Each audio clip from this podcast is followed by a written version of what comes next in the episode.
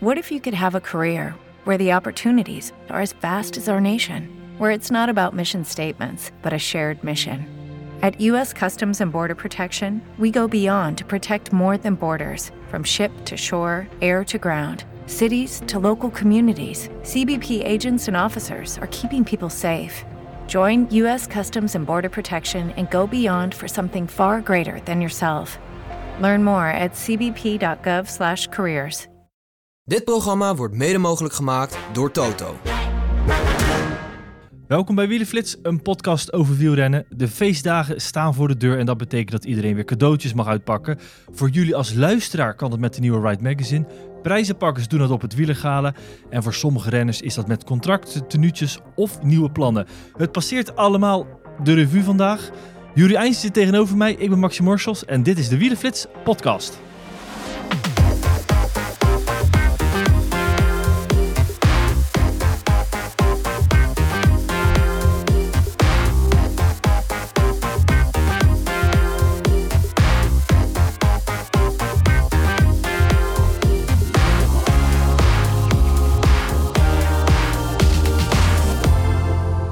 We beginnen met Mathieu van der Poel. In het grote interview in Ride Magazine geeft hij aan voor het eerst te twijfelen over zijn winterse uitstapjes naar de cross. Misschien gaat hij wel eens een jaartje overslaan in het belang van zijn eh, wegcampagne. Um, die twijfel is er ook over de Olympische Spelen en de mountainbike. Um, maar goed, de vraag is een beetje, bij wie zit die twijfel? Is dat bij hem, bij zijn kamp, of is dat meer bij ons uh, media en fans die uh, vooral een parcours in Parijs zien op de weg, wat hem heel erg goed moet passen. Hij zelf heeft altijd al gezegd, ja, ik wil graag mountainbiken. Tokio is natuurlijk vaar de kant mislukt, dus daar staat nog een rekening open. Maar ja, hoe vaak krijg je ook een kans op de wegrit? Uh, met een parcours wat echt op jouw uh, lijf uh, geschreven is. Nou ja, dat gebeurt beide in Parijs. Dus zo ontstond er twijfel over wat moet Van der Poel gaan doen. En ook nog een beetje gevoed eigenlijk door de bondscoaches die in een eerder stadium ook bij ons in een interview op de website hebben gezegd: ja, gaat hij wel beide disciplines doen? Vraagteken. Um, maar ja, inderdaad, waar leeft die twijfel? Uh, ik denk dat dat een goede, goede openingsvraag is. Uh. Ja, uh, dat blijkt nu dat dat vooral extern ligt. Niet bij Van der Poel, dat is eigenlijk het nieuws waarmee we deze podcast, eigenlijk het eerste onderwerp van deze podcast mee willen aftrappen. er is geen twijfel. Hij moet nog beginnen aan zijn crossseizoen. Ja. Uh, dat gaat nog allemaal uh, losbarsten. Maar we weten ook in ieder geval dat hij, als het aan hem ligt, um, hij op de Olympische Spelen zeker ook de mountainbike race gaat rijden. Ja, eigenlijk is daar uh, nou ja, nul twijfel over geweest. Um, binnen zijn entourage, tenminste wat ik ervan begrijp. Um, ik moet ook wel heel eerlijk zeggen, uh, ik heb dat filmpje onlangs gekregen met Average Rob. Een uh, super geestig YouTube filmpje eigenlijk.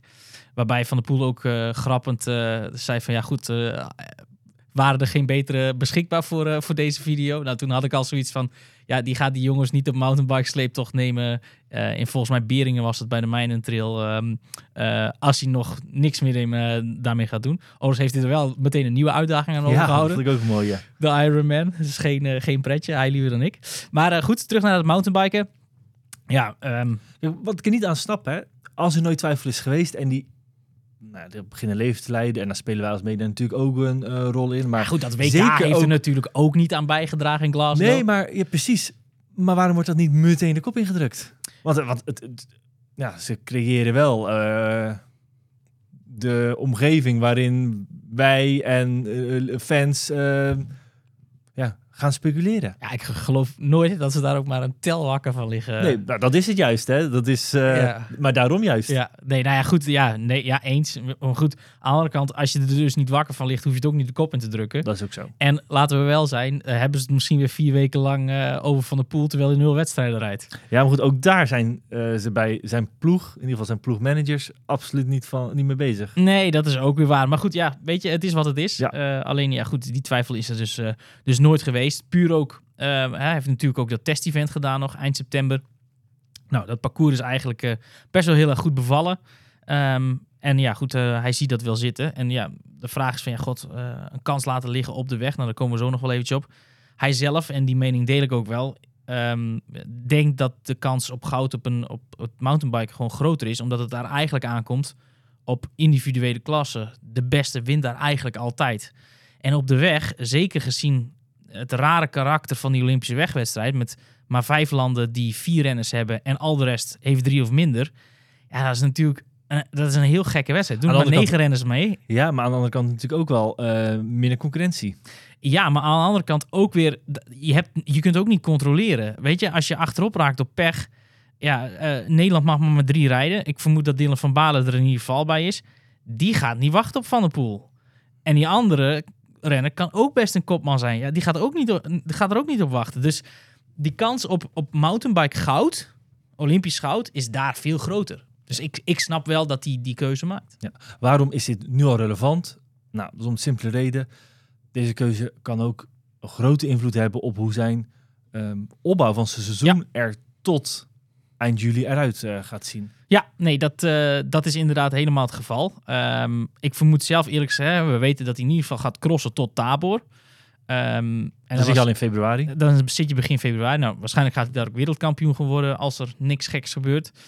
Nou, mijn vermoeden is dan, omdat hij dan toch alweer een paar weken in de weer is, dat hij er heel eventjes tussen uitpiept. Zij het op vakantie, zij het ehm, eh, op een trainingskamp.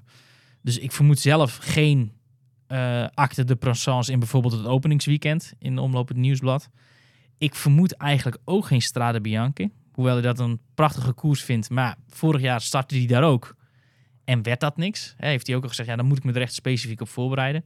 Dus ik vermoed zelf eigenlijk een voorbereiding ofwel via Tirreno ofwel via Parijs-Nice. Ehm, en dan eh, ja, eigenlijk vanaf Sanremo de klassiekers tot en met Roubaix. Vervolgens rusten. Eh, en dan richting mountainbike.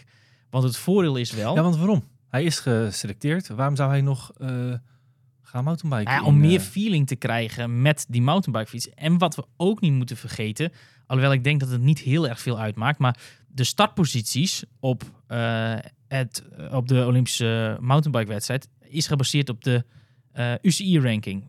Maar goed, Van der Poel heeft nul punten op die ranking, dus die zal overal waar hij rijdt punten pakken. Ehm, en ja, dat heeft hij nodig voor een betere startpositie. Heeft, heeft de positie eh, op de wegranking nog invloed op de startvolgorde van de Olympische Spelen? Eh, Nee, maar wel bij de wereldbekers. Eh, want daar is diezelfde regel, die, ze, die merkwaardige regelwijziging die ze ook voor het WK hebben toegepast, is van kracht in de wereldbeker. Dus de vierde startrij, ja, dat is, die is Ja. voor renners die in een andere discipline in de top 10 staan. Ja. Ehm, ik vermoed niet dat ze dat in één keer ook op de Olympische Spelen gaan toevoegen. Want ja goed, daar is het credo natuurlijk, eh, meedoen is belangrijker dan winnen. Dus dan zullen ze niet iemand eh, zijn startpositie En als bijvoorbeeld. je even gaat kijken naar, hè, laten we duidelijk zijn, dit is interpretatie Ja. van eh, de informatie die wij tot ja. nu toe hebben. Er zijn eind mei tot eind juni, dus in een maand tijd, drie wereldbekers. Mountainbike. Als hij die alle drie zou rijden, daar goed in presteert, kan hij een slootpunt pakken die hem ehm, weer een maand later... betwijfel ik, want hij kan, hij kan best wel veel punten pakken, maar ook weer niet zoveel dat hij in één keer bij de eerste 20 gaat kunnen starten. Eh keerzijde is wel dat ik heb me laten vertellen dat die startstrook op Elancourt, dus, eh, net ten zuiden van eh, Parijs, best heel breed is en dat het niet echt heel veel uitmaakt of je nu bewijs van als allerlaatste of allereerste start. Ehm, maar het feit is wel, normaal gesproken lagen die wereldbekers, hè, denk aan Alpstad, aan Novo Meste, lagen eigenlijk in het eerste en tweede weekend van mei. Ehm, nu zijn er ook twee wereldbekers in april, maar die zijn allebei in Brazilië. En ik vermoed niet dat hij eh, dan wel Vlaanderen, dan wel Roubaix en dan eventueel wel eh, de Amstel opoffert om daar te gaan mountainbiken. Dus ik vermoed dat hij tot en met Roubaix rijdt, dan dus de kans krijgt eigenlijk, omdat die eerste wereldbeker in Novo Mesto nu pas op 26 mei is, dat hij echt de kans krijgt om zich heel goed voor te bereiden op eh, drie wereldbekers. Want je hebt ook nog in juni Val di Sole op 16 juni en Crans Ja. Montana op 23 juni. Eh, dat hij daar, misschien dat hij die laatste niet doet, want het zit kort op het tour. Eh, maar dat hij daar in ieder geval serieus gaat werk maken om aan die, eh, aan die fiets te wennen. Eh, en om, om een goede voorbereiding te doen. Ja, en dan zal, vermoed ik, eh, een Dauphiné of Zwitserland er niet in zitten. Ja, dus wel een... eh, dit zou een flinke streep door, eh, vooral zijn wegkoersen, kunnen zijn. Ja, ehm, maar goed, als je dat dus serieus wilt aanpakken, Ja. dan zal dat nodig zijn. Want ehm bondscoach Scherben de Knecht eh, zei dat onlangs ook al eens in een interview bij ons. Pitcock gaat zich voor, eh, volgend jaar, hè, die is titelverdediger, volledig op het mountainbike richten. En ja, eh, als een Pitcock dat doet, is dat echt gewoon een heel taaie klant voor Van der Poel om te verslaan. En de enige manier om met hem te kunnen wedijveren is om ook volledig zich te focussen op dat mountainbiken. En ja, met dit programma, waarvan ik denk dat het best wel eens dicht bij de waarheid zou kunnen liggen, ehm, kan dat zeker lukken. Maar En- goed, Van der Poel niet in de Tour, dat lijkt me wel een eh, lastig uit te leggen zaak. En dat is ook niet uit te leggen. En ik vermoed ook dat dat wel gaat gebeuren. Eh, ik vermoed alleen dat het eh, ja, tot de eerste rustdag is. En dan pik je nog net die gravelrit mee. Want dat is de dag voor de rustdag op de eerste of tweede zondag van de Tour. Ja, op 7 juli zitten we dan al. Dat is 7 juli inderdaad. De Tour begint natuurlijk iets eerder dit jaar. Ehm, eh, en dat is die rit die eindigt in, eh, in Troyes. Ehm, maar dan heb je, als je dan uitstapt na die eerste rustdag, dat is een maandag. Ja. Drie weken later op maandag is pas die Olympische mountainbike wedstrijd. Dus heb je nog eigenlijk, nou ja, twee weken de tijd, Ja. tweeënhalve week de tijd om je puur op die mountainbike voor te bereiden. Ja, dat zou wel betekenen dat het eigenlijk de derde Tour is op rij waarin Van der Poel niet volledig eh, eigenlijk tot wasdom gaat komen. Hè? Twee jaar geleden was hij niet eh, in, eh, in eh, denderende vorm. Eh, dit jaar was hij met wat anders bezig. Namelijk het WK zat er echt in zijn hoofd. En dan komend jaar misschien maar een halve Tour met oog op de Olympische Spelen. En, dat wel de allergrootste wedstrijd op de kalender. En die- wel opvallend, toch? Die van 21 was hetzelfde liedje. Want het was ook richting Ja. Tokio. Heeft hij ook maar tot de eerste Dat rustdag is waar, ja. gereden. Toen raakte hij het geel kwijt die zondag. En een dag later eh zei hij adieu.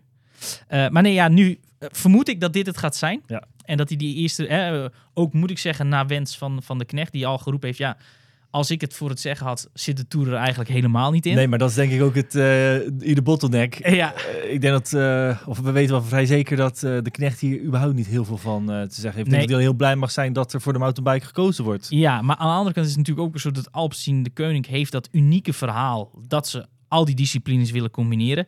Die zijn er ook gebaat bij dat hij dat mountainbike gaat is rijden. wereldkampioen. Hè? Een Tour de France. Ja, maar gaat die Tour niet winnen? Nee, maar je kunt wel eh, nog tot diep in eh, week drie eh, meedoen voor ritzegels of in ieder geval tonen als wereldkampioen. Maar goed, la- laat, laat hem, laat hem die, die gravelrit winnen op zondag. Zwaait af met de ritzegen. Heel Frankrijk ligt aan zijn voeten. En gaat zeggen, oh, drie weken ben ik hier weer. En word ik in Frankrijk Olympisch kampioen op de mountainbike. Nou goed, dat verhaal dat is Dat ook niet heel zichzelf lelijk. wel. Ja, Dat- dat heb je gelijk. in. Ja, dus, maar goed, dan komt de grote vraag. Om maar die twijfel wat, wat, wat Moerenhout en ook de knecht hadden in dat artikel eh, eh, in september. Doet hij dan wel de weg? Ik denk dat dat eigenlijk de grootste hamvraag is op dit moment. Maar hoe groot het afbreukrisico eh, daarvoor is niet heel erg groot. Ik bedoel, hij kan starten. Ehm een goede Van der Poel kan, als hij gewoon in conditie is, kan hij daar gewoon altijd redelijk meespelen. Ja, en je kunt altijd op sterkere renners stuiten. Plus, Dus hoe groot is het risico voor hem om, om, om eigenlijk zijn natuurlijke habitat van de weg eh, dat over te slaan? nou, ik denk het niet. Plus ook dat je, als, je, als je zich dus gericht gaat voorbereiden op die mountainbike, ja, dat komt zijn explosiviteit alleen maar ten goede. Ja, dat is iets wat je in die wegwedstrijd ook gewoon nodig hebt. Ehm, ik zie niet in waarom hij dat niet zou kunnen combineren. Ehm, want puur ook dat parcours is natuurlijk op zijn lijf geschreven. Het is wel maar vijf dagen later. Alleen, ja, hij heeft altijd gezegd, die transitie van wegfiets naar mountainbike is de moeilijkste die er is. Andersom maakt dat niet superveel uit. En ja, goed, ehm, Dat wel is 273 kilometer. Hè? Dat is wel. ja, maar dat was het WK in Glasgow ook. Nee, zeker. Maar dat was de hele voorbereiding anders. Als hij, Ja. als hij dus nu daadwerkelijk voor de mountainbike gaat, wat veel eh, in uren al veel korter is, in kilometers natuurlijk niet te vergelijken, maar vooral qua explosiviteit ehm, ja, wel een veel kortere inspanning. Natuurlijk zijn die klimmetjes in Parijs natuurlijk ook Ja. vurig en, en, en, en moet je erop vlammen. Maar die hele aanloop van 200 kilometer, die heb je niet in die mountainbike. Nee, maar ik denk wel als, als, als je een goede winter kunt draaien, als die basis goed is. eh, hij wordt in januari 29. Ja, dan ben je op je rijps. Ik denk die jarenlange ervaring die erin zit, die, die hardheid. ehm, ja, ik denk dat je die 270 kilometer prima kan doen. En met de topvorm die je hebt, laten we wel zijn, daar gaat hij natuurlijk naar op zoek. Ja, eh, volgens mij heeft hij afgelopen jaar bewezen wat dat kan doen. Eh, een Tour WK. Nu is het ook 13 dagen einde Tour naar het WK. Dus ja, dat, dat, gaat, dat gaat goed komen. Ik, eh, ik zie daar eh, geen beer op de weg. En eh Koos Moerenhout denk ik ook niet, want die heeft al gezegd in datzelfde interview, ik haal het nog maar een keer aan. ehm, ja, Van der Poel heeft altijd een streepje voor. En die ga ik altijd selecteren als hij wil rijden. Eh, want ja, dat is gewoon een, een afmaker. Eh, en die heeft daardoor altijd twee sterretjes achter zijn naam. Dus die zal er altijd bij zijn. Moet ook zeggen, in zijn entourage vang ik op dat de mogelijkheid toch wel best wel aanwezig is dat Van der Poel dus inderdaad beide gaat doen. Ja, en dan heb je dus begin augustus eh wegrace mannen gehad. En dan is de wegrace, de Olympische Spelen heb ik Ja. dan over. Het WK wielrennen is dan bijna, ja, dik anderhalve maand Ja. eh, later. Eh, met een beetje fantasie kun je zelfs zeggen, bijna twee maanden later. Ja. Want dat is pas eh, 29 september. Is wel een Eigle met best wel een heel pittig parcours eh, in Zwitserland. Nee, is nu nog in Zurich. Eh Zurich, dat zeg ik. Eh, een heel pittig parcours. Ik weet, eh, voor de jonge luisteraars is het misschien eh, te lang terug. Maar vroeger had je een wereldbekerwedstrijd op de weg. De Zurich Metzgate heette die. Dat was ja, samen met San Sebastian in het najaar eigenlijk de klassieker waar het om draaide. Eh, of in die periode van het jaar. Ja, daar wonnen alleen maar goede renners. En het is daar Ja. best wel veel eh, hoogtemeters. Het profiel dat lijkt eh, op een eh, zaag eh, die eh, op zijn kant ligt. Want het, het kartelt. Precies. En Pogacar heeft daar al van gezegd: ik wil daar die regenboogtrui afpakken van Van der Poel. En ja, dat is toch Ja, wel iets, wil iets zeggen. betere klimmer. Dus Ja. eh, en goed, hij is natuurlijk wereldkampioen. Als titelverdediger vermoed ik echt wel dat hij daar start. Maar om te winnen, ja goed, het is nu nog december, dus daar valt niks over te zeggen. Maar dat zou best wel eens een lastig karwei kunnen worden. En ik denk als je twee Olympische medailles hebt, of in ieder geval één, dat je seizoen al meer dan geslaagd Ja, het is nog even een kleine maand wachten totdat Van der Poel terugkeert in eh, het veld. 22 december gaat dat gebeuren. Daarvoor is er mogelijk nog een eh, moment waarop hij eh, de pers te woord gaat staan. Of in ieder geval in aanloop naar, dat, naar zijn comeback in het veld zal dat gaan gebeuren. En ja, wellicht dat we dan ook onze theorieën wellicht bevestigd krijgen. Eens kunnen toetsen. Precies. Ehm, dan gaan we door naar ehm, nieuws. Eh, nog meer nieuws, namelijk contracten. Er is namelijk weer een Nederlandse World Tour eh, renner die een contract getekend heeft. Ja, nu nog eh, World Tour.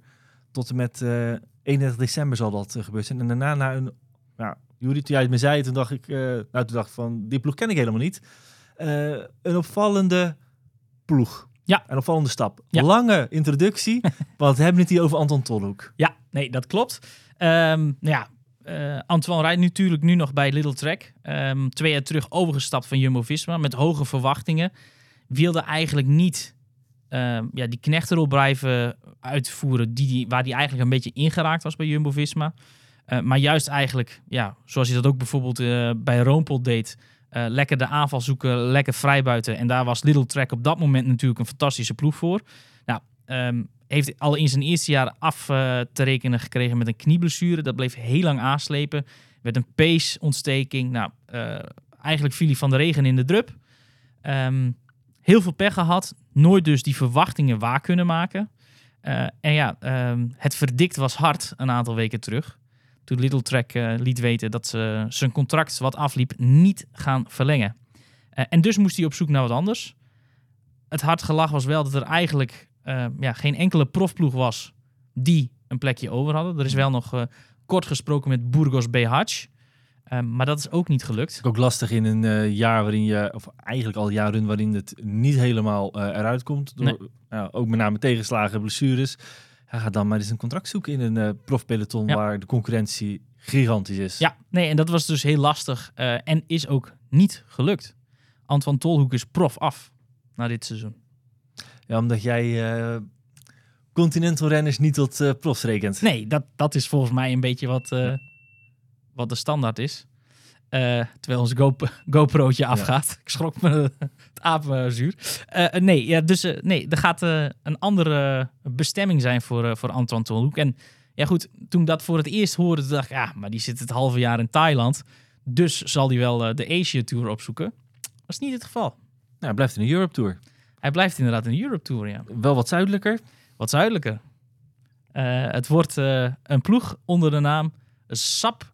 eh, nee, moet ik goed zeggen. Sapgal Anicolor. Ja, en als je denkt, daar heb ik nog nooit van gehoord, dan geeft dat niet. Nee. Dat gold ook voor mij.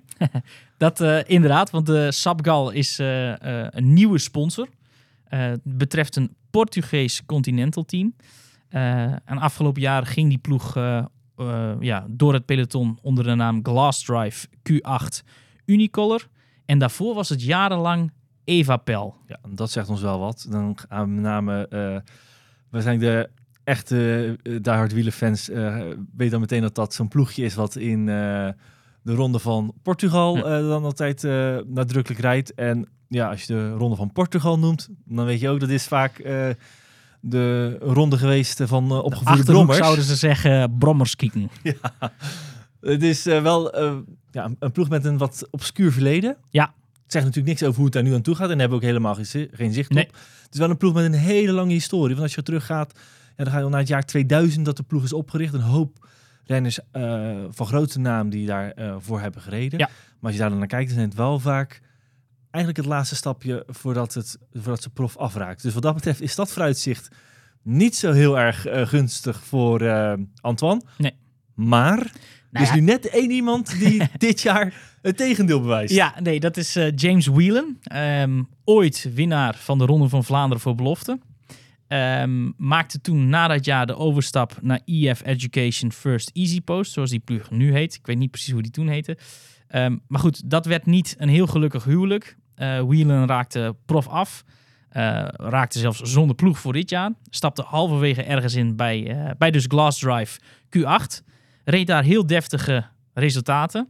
En ja, versierde op die manier toch weer een profcontract. Want die rijdt volgend jaar bij eh, Q36.5 van Doug Ryder. En ook Aard Vierhouten, Aard Vierhouten en Rick Reindrink. Dus het kan zeker bij deze ploeg. Alleen ja, goed, toen had ik ook meteen mijn vraagtekens weer. Want deze ploeg rijdt eigenlijk alleen maar in Portugal en heel spaarzaam wat koersjes in Spanje. Ehm, nu zou je kunnen zeggen, Antoine is klimmer, dus zijn dat prima koersen ehm, waar je kunt laten zien. Anderzijds is het ook zo dat er maar bar weinig renners die in het Portugese eh, circuit rijden, het schoppen tot profs. En anders is dat nooit heel lang. Ehm, dus daar ben ik eventjes eh, achteraan gegaan. En ja, Sapgal eh, is dus een nieuwe sponsor. Ehm, Een beetje lastig te achterhalen wat ze nu daadwerkelijk doen. Ja, we weten dat het in ieder geval in de eh, voedingsindustrie zit.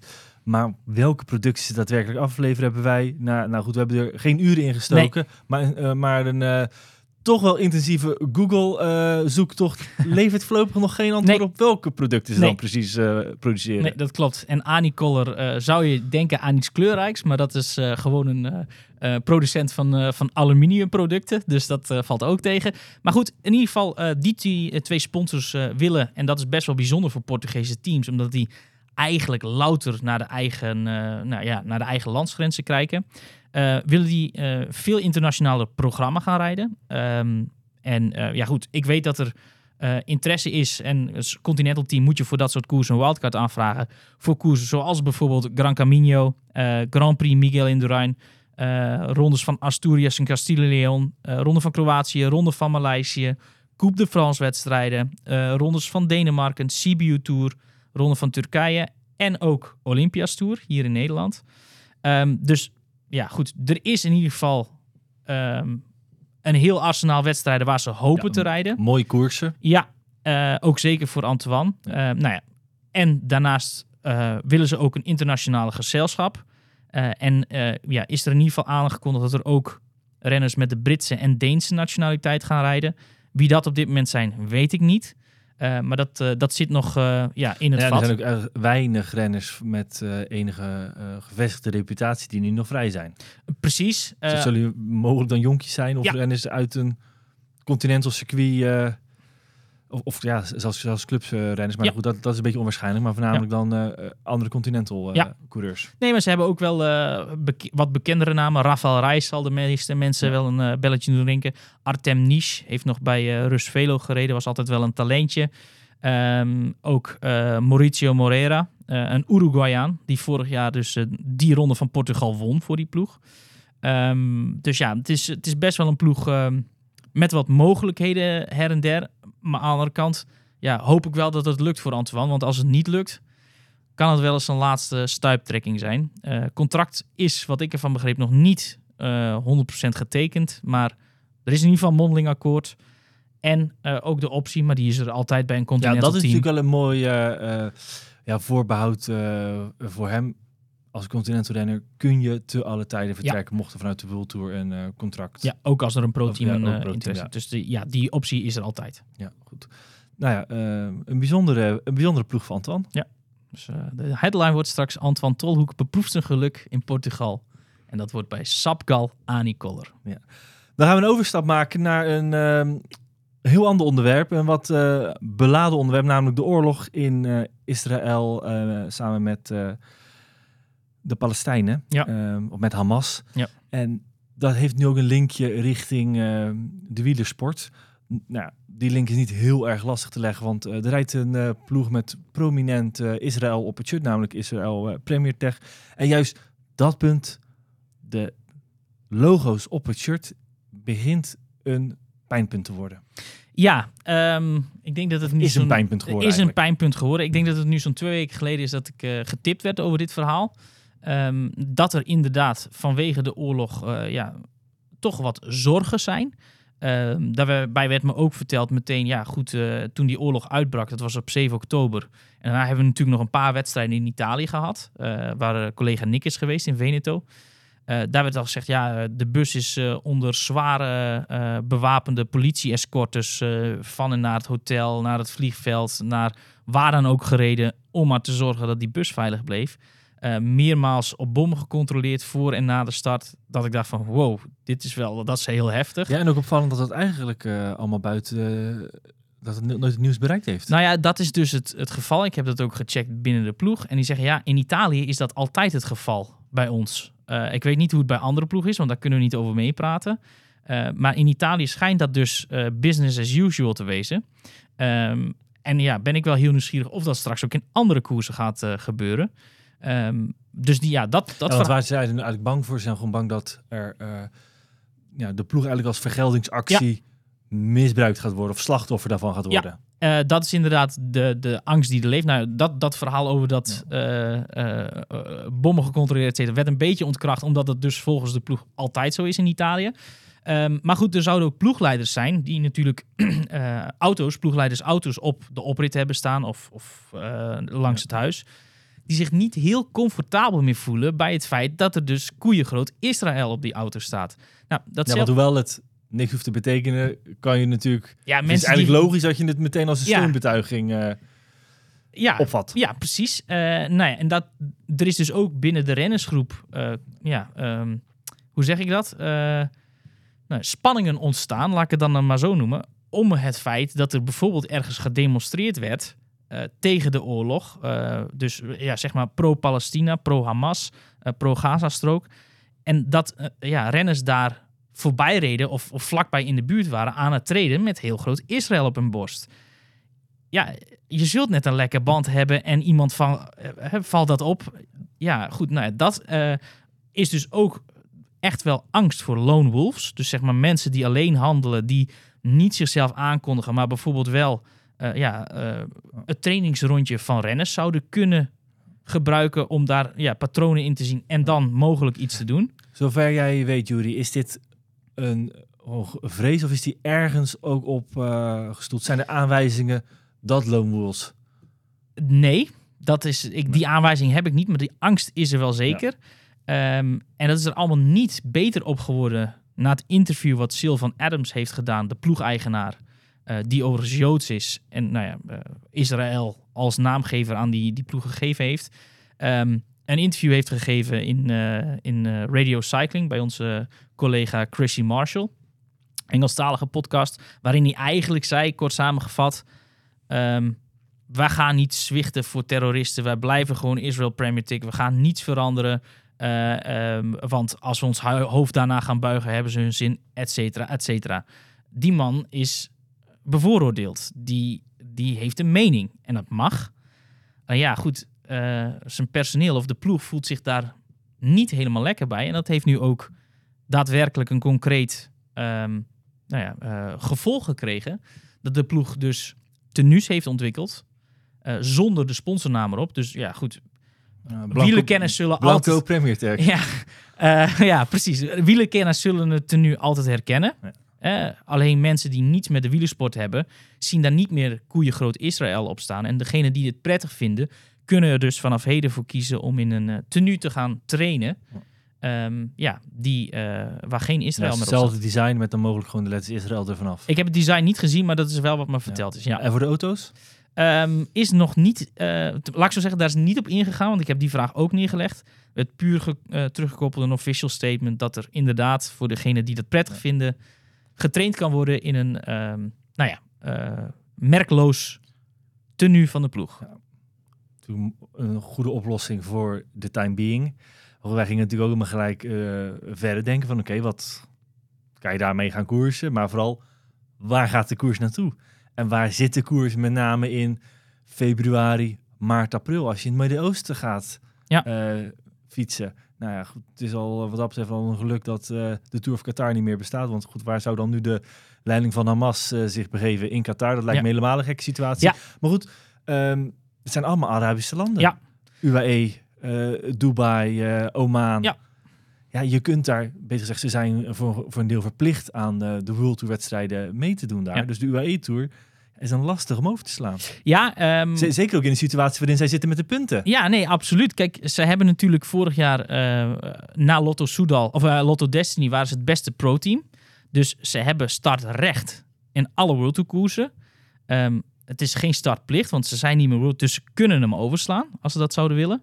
Eh, vorig jaar hebben ze dat niet gedaan. Hebben ze de UAE Tour gereden.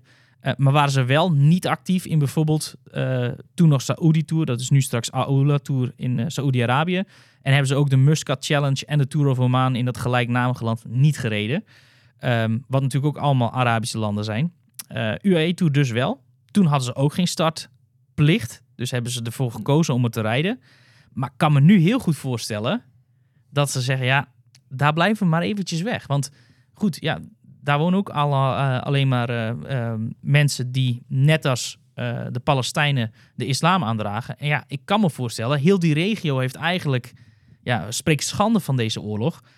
Dat de ploeg gaat zeggen, ja, wij gaan daar niet rijden. Of dat de renners misschien wel straks zeggen, terwijl Adams zegt, ja, we gaan daar wel rijden. Dat de renners zeggen, ja, alles goed, maar ik niet. Nee, maar je gaat kijken dat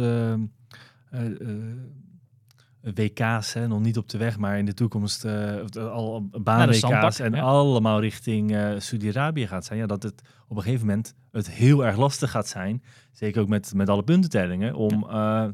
ja, het Midden-Oosten ja, daar, daar weg te blijven. Ja, dat, gaat nog wat, dat gaat nog wat brengen de ja, komende dat- het is niet niks. Dus het- dit is een eerste eh, opvallende eh, ja, gevolg van die oorlog. Dat het dus ook in het wielrennen ehm, ja, eh, iets teweeg brengt. Maar goed, ik kan me ook voorstellen, er zitten natuurlijk behoorlijk wat oliedorrels in het peloton. Dat misschien wel straks geldschieters van Bahrein, van Emirates, van Jaco Alula gaan zeggen... jullie mogen niet meer in hetzelfde peloton rijden met een ploeg die Israël op de borst heeft. Ja, en het is wel geluk dat de management natuurlijk nog wat anders is dan de geldgevers. maar goed, Ja. we weten ook hoeveel macht eh, uiteindelijk is degene die eh, betaalt ook bepaalt voor eh, tot op zekere hoogte. Ja. Dus ehm, ja, volgens eh, goed uh, BNR gebruik dit wordt eh, of dit blijven volgen. Ja, precies. Want eh, ja, die wedstrijden zijn niet meer heel ver weg. Nee, en het, ja goed, het gaat ook gewoon invloed hebben op... Kijk, als renner, de, de laatste jaren wordt ervoor gezorgd dat die renners zich eigenlijk alleen maar hoeven te, fietsen, eh, te, te focussen op fietsen. Eten, fietsen, slapen. En de rest wordt zo, zoveel mogelijk ingeperkt, zodat de volle aandacht naar trainen eh, en, en dat soort zaken kunnen. Als jij je als renner in één keer niet meer comfortabel voelt, hè, dat is hetzelfde als dat je bijvoorbeeld, eh, ik noem maar wat, wij hadden een onwerkbare relatie gehad. Nu hebben we die natuurlijk bij tijd en wijle eh, wel eens, maar eh, dat, je, dat je niet prettig naar, bijvoorbeeld zoals nu, hè, we zitten nu samen op kantoor in Amsterdam, dat je niet prettig naar kantoor gaat. Dat, dat gaat, de avond ervoor heb je daar de last van. Ja, als jij als renner in één keer bijvoorbeeld een avond voor een koers gaat mijmeren van, goh, zou er iets gebeuren? Je ziet hier vooral dat sport, topsport en politiek ja, niet los van elkaar te zien zijn. Nee, eh, dat blijkt. En eh, best wel een kwalijke zaak. Maar voor sommige renners kan ik me best wel heel goed voor zorgen. Dat ze bijvoorbeeld een nacht voor een belangrijke koers niet goed slapen. Eh, wat Ja. dan effect gaat hebben. Ja. Dus ja, goed. hoe lullig het ook is en hoe, hoe die renners daar niks aan kunnen doen, kan dat straks best wel eens heel vervelende gevolgen gaan hebben. Nou, we blijven dit dossier zeker volgen. Dit was de aflevering eh, van eh, deze week. Ride Magazine ligt inmiddels eh, in de winkels met op de cover het interview, of uh, Matje van der Poel en in het blad een heel groot interview met hem waarin hij dus onder andere vertelt over zijn twijfels of hij in de toekomst wel moet gaan crossen. De verkooppunten zijn allemaal op ridemagazine.nl te vinden en daar kun je het blad ook online bestellen. Dank voor het luisteren en graag tot de volgende keer.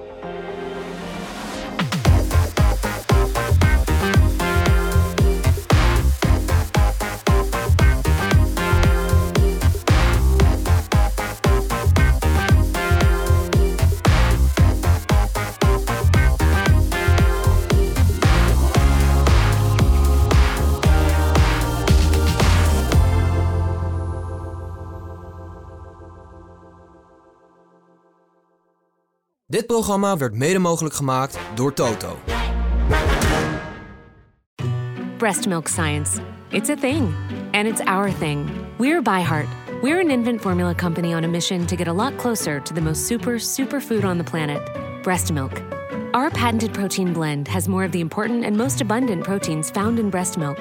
We're the first and only US made formula to use organic, grass fed whole milk, not skim. We make our formula in our own factories in Iowa, Oregon, and Pennsylvania, using a small batch manufacturing process that works to preserve the integrity of our ingredients. We ran the largest clinical trial by a new infant formula company in 25 years and clinically proved benefits like easier digestion, less gas, and softer poops versus a leading infant formula. We were the first infant formula company to earn the Clean Label Project Purity Award. And while we've put a lot into ByHeart, there's a long list of things you won't see on our ingredient list, like no corn syrup, no maltodextrin, no GMO ingredients, no soy, no palm oil. ByHeart, a better formula for formula. Learn more at byheart.com.